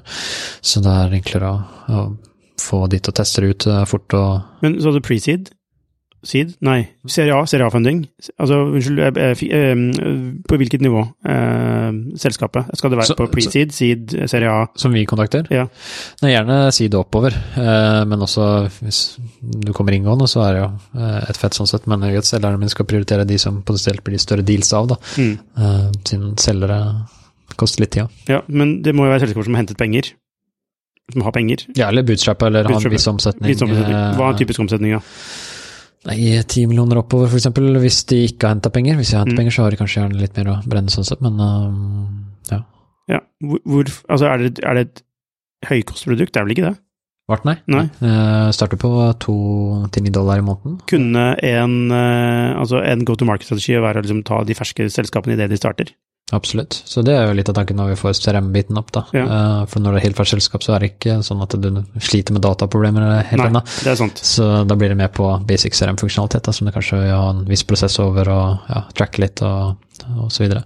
Og kanskje du vil begynne å tracke litt atferdsdata for å se hvordan folk bruker produktet, og Mm. nå ut til de på riktige tidspunkter, da, for å aktivere det. Så, um, så absolutt. eh, altså. Hvor lang runway har dere nå? Eller hvor lenge, kan dere, hvor lenge har dere penger? Nei, eh, god stund. eh, mot slutten av neste år. Mot slutten av neste år. Men betyr det at du allerede nå er i gang med å tenke neste fundingrunde? Ja, jeg tenker jo hva som må til å preppe smått. For det er ikke at jeg bruker masse tid på det, men jeg tar jo alltid noen samtaler her og der med WC-er hvis det kommer noe inngående, f.eks. Men ikke at det, det er ikke noe eh, proaktivt fra min side, sånn sett. Nei. Og det, du nevnte at okay, omsetning er viktig. Eh, omsetning, vekst. Bevise strategien, at vi klarer å kjøre oppsalg f.eks. fra eh, dataproduktet over til CRM-produktet. Mm. At vi eh, kan ja, kanskje ekspandere litt av vår ICP. at vi får utenlandske kunder, ikke bare norske kunder. Mm. Så er det en blanding av ting. Er du flink til å informere investoren underveis? Jeg sender månedlige oppdateringer, så jeg prøver å gjøre det på første måned klokka ni. Ja, og hva står det i de? Nei, det er highlights og lowlights, eller det er forskjell på eh, oppdatering som jeg sender til potensielle investorer og eksisterende investorer. Så eksisterende får jo vite det meste, eh, eller alt, eh, på både highlights og lowlights og finansiell status, mange betalende kunder har vi, eh, alt det der. Eh, hvordan går det med produktet og utviklingen der, hva har vi pusha ut og shippa ut. Eh, så bare tar jeg minuserer eh, mer detaljerte økonomiske tinga til de som er potensielle investorer. Så Mm. kan det gjelde for vite når vi faktisk skal hente penger. Ikke sant? Og hva er lowlights? Nei, det kan være alt fra at noen har slutta, eh, at vi ikke har klart å gjøre en ting som vi sa vi skulle levere på. Eh, det kan være alt som er kjipt, eh, Mm. som kan være veldig mye når du driver en startup, men Hvor viktig er det å være åpen på det? Jeg tenker det viktigste er å ikke ha noen store overraskelser for folk. Eh, holde folk i loopen sånn at de vet hva hva er greia. Eh, så For det er en slags misforstått oppfatning at folk tenker at investorer ikke vil ha dårlige nyheter. jeg vil si det. Mm. Jeg vil vite faen, når går du tom for penger. Plutselig så får jeg en mail og sånn Hei, nå eh, går vi konkurs. Ja. sånn, ja, kanskje man kunne gjort noe mot det hvis man hadde blitt informert litt tidligere underveis. da. Mm. Og hjulpet og ja, hatt med kontekst og alt det der. Ja. For det er gjerne da at du er top of mind på din investor, og ja, de har oversikt, da. Mm. Istedenfor at du skal være sånn ad hoc, eller ikke oppdatere i det hele tatt. Det er det verste jeg vet selv, siden jeg har gjort litt investeringer. òg. Mm. Hvor, når du lager disse e-postene, eh, er det sånn at du har noen sånne Jobber, jobber dere til OKR? Nei. Nei, dere er hvorfor ikke det? Nei, det ikke, passer ikke for oss i Breta. Vi har gjort, laget vår egen modell rundt produktutvikling. Så, Ja, men har ikke dere ansatt hun Sea? Kea. Nei, unnskyld, Kea. Men, eh, som vi også Vi hadde OKRs i testa, men det er også våre hjemmebygde modeller av OKRs. Ja. Så nå prøver vi en annen metode. Som, Hvilken metode da? Er det Jeg husker ikke hva ikke, Det er hjemmesnekra som hun har fiksa, som jeg har kalt et fancy navn. Ok, for det, det er viktig å ha en metode på en eller annen måte, en struktur å følge for å Jeg vil si iallfall uh, være litt bevisst på en prosess, da. Mm. Eh, sånn at uh, man passer på å ha hastighet og kvalitet og alt det der. mm. Men eh, litt om deg. Hva ledelse? Eh, hva er det du har lært om ledelse gjennom disse årene som gründer og gründerleder? Uh, jævlig ensom og tung jobb mange ganger. Uh, men noen må gjøre den. Uh, lært masse. Herregud, det er altfor mye til å ta over eh, noen minutter igjen av eh, intervjuet, men eh, ja, passe på egentlig bare å ha flinkere folk rundt seg selv. Eh, og passe på at de har alt det de trenger til å gjøre jobben sin på en riktig og god måte. eh, og passe på at eh, selskapet jobber bra, har penger, eh, eh, få nye kunder. Du har nevnt noe for meg en gang tidligere om kommunikasjon. Kan kommunisere tydelig og klart og være transparent. Eh, ekstremt viktig. Ja. Eh, kommunikasjon er roten til alt ondt i, Ja. verden. Ja. Eh, eller miskommunikasjon. Jeg tror du sa noe om at eh, du kan, du kan, aldri, du kan aldri kommunisere noe for mye. Nei. det er spesielt også nå som vi også jobber en del remote, da. eh, så er det veldig mye som går tapt, tror jeg. Hvis man ikke er flink til å kommunisere. Det spesielt med da de som sitter i andre steder, andre land og, og lignende.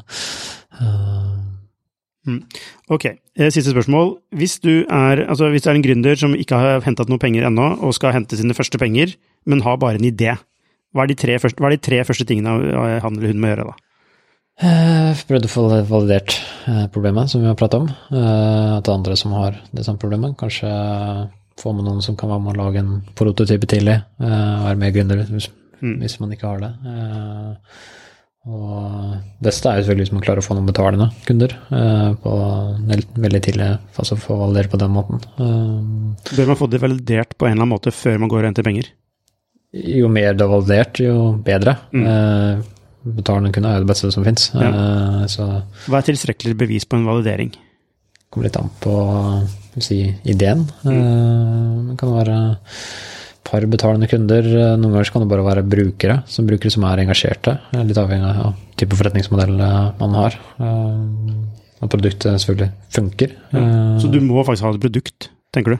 Ikke alltid, men det hjelper veldig. Mm. Uh, hvis ikke du har produkt, så må du backe opp på andre steder. Om Mm. det skal være at du har gjort det før, eller CV, eller uh, lignende. Ja. Ok, så validering. Gjerne ha en co-founder. Det hjelper veldig. Ja. Siste, siste råd. Uh, hente mer penger enn det du tror når du først skal hente penger. Uh, for det, penga går fort. Ja, og du nevnte jo så da, det er numbers game. Investorer? Ja. Ja. Så du bør Hvor mange investorer bør du kontakte? I hvert fall Nei, hvis du eh, kommer litt an på. Noen ganger så trenger man plutselig å kanskje kontakte ti stykker, og så treffer man. Mm. Så det varierer veldig eh, til hvor flaks man har, men uh, si gjerne opp mot uh, 50-60 Ja, det begynner med det. Og hvis du trenger en liste på investorer, så kan du abonnere på Skifter, for vi har en investordatabase. Fikk jeg lurt inn den. Men uh, hvordan var det for deg altså, å selge skifter? Har det vært litt uh, vemodig, eller? Eh? Eh, em, i- altså, nei. eh, ikke vemodig i det hele tatt. Eh, ja, det blir litt annerledes, da. Eh, altså, jeg, skal, jeg skal svare på det, men jeg kan jo svare på det. Jeg har egentlig ikke svart på det. For, for, for, nå blir, for nå blir du ansatt, eller? Eller du er jo ansatt selvfølgelig, men skjønner man at du har ikke noen eierandel lenger? Eller? Jo, har eierandel. Så Schibsted kjøper ja, skifter, for de som ikke vet det, og kjøper 51 først. da. Og så er det en path to control, som det så fint heter, eller path to altså 100 Eh, Så vi selger eh, Men er det sånn typisk earnout, at du må treffe visse milestones eh, for å liksom løse ut, eller eh, er Altså, det er- tidsbasert, eller Ja, jeg kan ikke si så veldig mye. Men det, jeg kan si så mye som at det er en slags earnout, på en måte. Men den er, det er en eh, Uten å forklare nærmere, så er det en slags en, en, en planke og en topp, da. Mm. Så, så ja, det er en eh, det er en ålreit greie der. Uh, og så er det jo det som vi snakket litt om i stad. Eller jeg snakker ikke så mye om det, men med Schibsted så får man en industriell aktør i ryggen eh, som har mange ressurser på mange ulike områder. Altså ikke bare penger, men de har mange ressurser eh, som eh, eh, Altså alt fra liksom, De har abonnement, de har kompetanse, de har eh, trafikk, eh, altså eh, distribusjon, de har ve veldig mye. Som gjør at det er en veldig attraktiv partner. Men så er det aller, kanskje aller viktigste er jo at Schibsted fortsatt skal satse på skifter. De skal altså ha det som et eget brand. De ser på det som en Og så fortsetter den koblinga med E24 som dere har hatt uh, der, hvor de promoterer artikler i E24 f.eks. og I, ja, det kan være at vi skal gjøre. Jeg er ikke, mest sannsynlig ja, men, men eh, vi vet ikke helt hvordan, hvordan det blir. Men ja, det, det vil jo være en grunn til at eh, Schibsted er på eiersiden. Uh, altså det, det ville være en Det ville være litt sånn rart hvis man ikke benyttet seg av de mulighetene Schibsted kunne gi til skifter, da. mm. Så, så ja, det er planen. Og så har vi jo Vi skal jo prøve å vokse, da. Bli større. Eh, liksom, endelig kan vi tenke litt sånn internasjonalt også, som er litt morsomt. Så øh, vi er altså mer gira enn noensinne nå, egentlig. Eh, og så er det litt sånn, faktisk, som gründer, så er det litt digg, da, å kunne ta litt penger av bordet. Ja, litt penger av bordet er én ting, men det er mer at det er litt mer, litt mer senka skuldre. Mm. Fordi det er, eh, det er flere som er med, som kan, som, som kan, kan ta ansvar, da. Man føler jo på det ansvaret når man ja, er gründer selv og alle ansatte som man eh, ja. Ja, ja, ja, absolutt. Jeg føler på det hver dag. Mm. Og jeg føler, jeg får nesten dårlig samvittighet hver gang jeg får lønn. ikke sant? Og, men så har vi jo sant, vi ansatte som har boliglån og som har barn, og ikke sant? jeg føler jo veldig på at eh, man skal lage en ålreit arbeidsplass Mm. eh, for de, og at den skal være trygg og god. Eh, og så er det deilig å på en måte slippe å måtte tenke at man skal da fulle ansvaret for det Mm. i all evig, all, all evig tid fremover. Nå er det en slags eh, ja, Men ble det starta med at dere hadde partnerskap med E24 hvor du promoterte, eller hvordan, det start, hvordan kom dere inn på at Schibsted skulle Kom de til dere, eller? Um, ja, altså det vi gjorde um, Vi begynte med partnerskap uh, med E24. Og så har vi ganske tette koblinger til Skips til utgangspunktet. Altså både jeg og Privar har jobba mye der. Uh, vår styreleder er tidligere sjefredaktør i Aftenposten, har jobba mye i Schibsted. Og så kjenner vi kjenner mange i Schibsted, og det er, det er en naturlig samarbeidspartner. Men det betyr ikke at vi ikke snakket med andre. Vi snakket jo med flere. Apropos dette med Jeg Fikk dere til å konkurrere, konkurrere, litt mot hverandre, eller? Ikke så veldig, egentlig, faktisk. Fordi det ble en ganske eh, Schibsted ble ganske sånn tidlig en eh, Altså, det ble ganske tidlig tydelig at dette var den, kanskje den beste veien å gå, men vi, vi, vi skyldte det både til investorer og til selskapet å finne den best mulige løsningen, da. Og da må vi ta runden. Så vi snakket med flere store medieselskaper. Uh, hatt, noen hadde vi flere, mange flere møter med, og liksom, hvor vi på en måte Ja. Uh, så, men, så, men altså magefølelsesmessig, alt stemmer med Schibsted. Vi kjenner selskapet godt, uh, og de vil Altså, strategisk så var vi en riktig såkalt fit for dem, eh, og, og de for oss. Eh, så, men da har vi i hvert fall gjort alt vi kunne for å finne alternativer, eh, og finne grunner til at de ikke skal gjøre det, men likevel så lander vi på det. Og da er, liksom, da er det mye tryggere å gå inn i det. Mm. Enn hvis du på en måte skulle bare snakket med én aktør, og så landet på den. Men skal dere da være selvstendig enhet? Det skal ikke integrere med Skibsted-konsernet på noen måte, eller? Vi blir en selvstendig enhet. Ja. Ja, for det merka jeg vi, eh, vi solgte eh, testene. Da var det kanskje mer fokus på eh, Integrering? Nei, eh, omvendt annen i M&A, altså acquisition, mer enn merger. Eh, ja. For det gikk jo veldig fort. Mm. Og de var jo egentlig ikke forberedt i det hele tatt. For det, de hadde gjort noen sånne Aquahires tidligere, men det var kanskje én til to mann eh, teams, uh, så det var mer for teknologien som de fikk inn. Når vi plutselig Vi var jo 25 når vi solgte til Syske, eller noe sånt. Uh, ja, give or take. Og da ble det plutselig litt mer, og forskjellige kulturer, veldig forskjellige kulturer. Selv om de var på en måte hadde vel lignende verdier, så er det forskjell på USA og Norge og Sverige og Tyskland og, og lignende. Så, altså det er forskjell både på USA og Europa, og så er det store forskjeller inn, innad i Europa? Ja, absolutt. Så nei, integrasjon det var en veldig interessant læring og erfaring som vi hadde, da. At, uh, interessant. var, så det var, var det interessante der, da?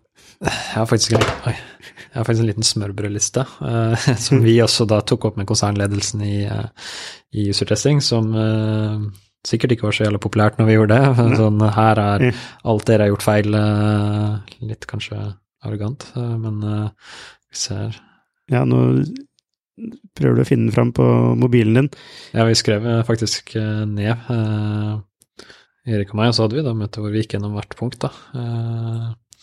Var det noe de leverte på, eller? Om du har den her nå? Ja, ja. Uh, skal vi se, vi kan jo gå rett på det som ikke gikk så bra, kanskje. Uh, for altså, det som gikk bra, det var jo også mye positivt, selvfølgelig. Mm. Uh, fordi integrasjon er sinnssykt vanskelig, spesielt da hvis det er over to veldig store avstander. Altså Se på alle, alle disse selskapene som Kahoot-kjøper, så er grinerne ute. ja, eh, blant annet. Og det er jo norsk selskap, norsk kultur og alt det der, så man mm. skulle jo tro at det var enklere, men uansett, da, så mm. er det jævlig vanskelig. Ja. Så, mm, så, nei, det var jo alt fra ja, kanskje være litt mer empatisk eh, på hvordan eh, ting ble oppfatta, da. Eh, mm. Fordi det skjedde veldig kjapt. Så jeg husker jeg hadde prøvd å ta litt sommerferie etter da en litt lang eh, DD-prosess. Og plutselig får jeg en telefon. Eh, jeg tror jeg faktisk spilte golf med faren min for å prøve å koble litt av. Så bare fikk jeg en telefon fra en ansatt bare du, hvorfor uh, får jeg en e-post om at det, det, her er rollen min uh, i user-testing? Uh, ja, ja. Og jeg hadde ikke fått noe informasjon om det i det hele tatt. Nei. At de skulle plutselig begynne i sommerfellesferien, da, ja, hvor det kanskje ikke er så mange på jobb. Nei, nei, plutselig får en sånn e-post som hei, mm. nå har dette nye oppsettet. Mm. Og jeg visste ikke engang at de skulle begynne å integrere på den måten der og da. Så det var jo litt sånn, ja, prøv å finne ut hva faen er det som skjer. og folk får jo fnatt, ikke sant. Bare mm. det her er ikke det som var dealen, vi skulle jo være selvstendige og kjøre på alt det der. Ja. Men vi valgte jo også på en måte å kutte det litt tiden ned på å være selvstendig pga. på grunn av covid. Mm. Uh, for vi så det begynte å bli ganske oppoverbakke når vi holdt på med salg. Uh, Ja, så var det kanskje bare rett og slett hvordan man håndterer på hvert team, da. For jeg husker også da at uh, det var en person en som leda en avdeling i user dressing, som plutselig fikk da nye folk fra Tesson inn på sin avdeling, men han hadde jo ikke signa opp for det. Uh, så han bare faktisk eh, jeg skal ha dere ut mm. fra min avdeling. Uh, så han gjorde alt i sin makt og prøvde oh. å få de til å slutte, rett og slett. Herlig. uten å på en måte ja. gå gjennom de riktige juridiske stegene. Ja. Så det, det, var jo interessant. bare, ja, være mer Det som gjorde alt vanskelig, var jo selvfølgelig at det var covid. Mm. jeg tror mye kunne også kanskje vært håndtert enklere og raskere. Kunne jo bare sitte i et sånn møterom en måneds tid og hamra det meste ut, liksom. Uh, så det er alt fra insentiver Men det, jeg lurer på, hva er det usertest egentlig kjøper, da? Indien? Ingenting?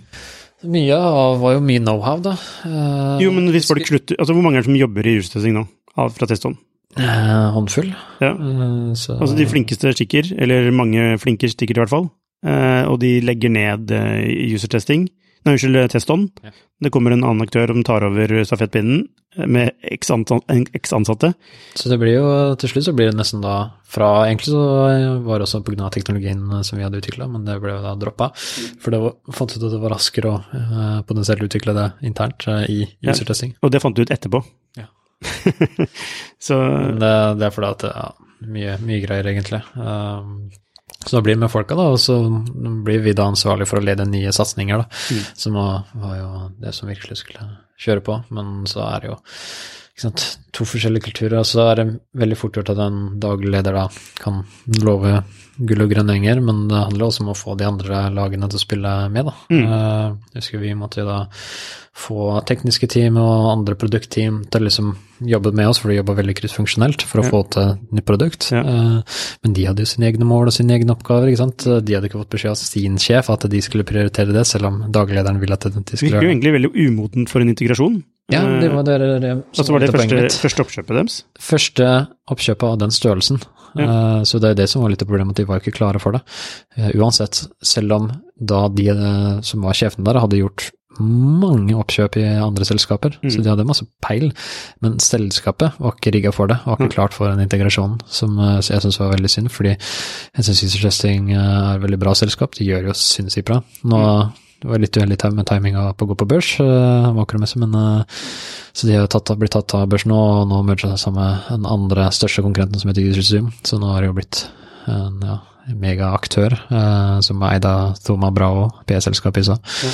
Uh, tror jeg de omsetter nå opp mot 200 millioner dollar i RR og vokser som bare det. Mm.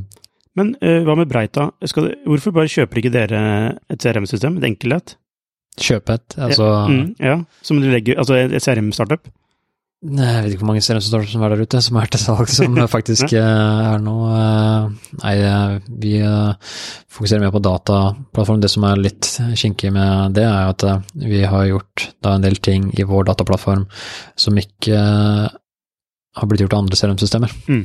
som også mye av det som gjør oss unikt. Altså, vi har jo brukt veldig mye tid på rett og slett R&D. Mm. Uh, fuck around and find out. Mm. Uh, så, så nå har vi brukt mye tid på det rett og slett på å finne ut hvordan vi skal løse ting teknisk eh, på dataplattformen. Så det er ikke noe man kan bare Vi skulle ønske det var egentlig ting vi kunne bare kjøpe som var hyllevare, mm. men eh, nei, til og med når vi ser på liksom, ja, prater med BigQuery, Snowflake og alt det der, så er det produkter på liksom å streame data da, som ikke de har, som vi måtte prøve å mekke inhouse, da. for det, det var ikke tilgjengelig. Nei.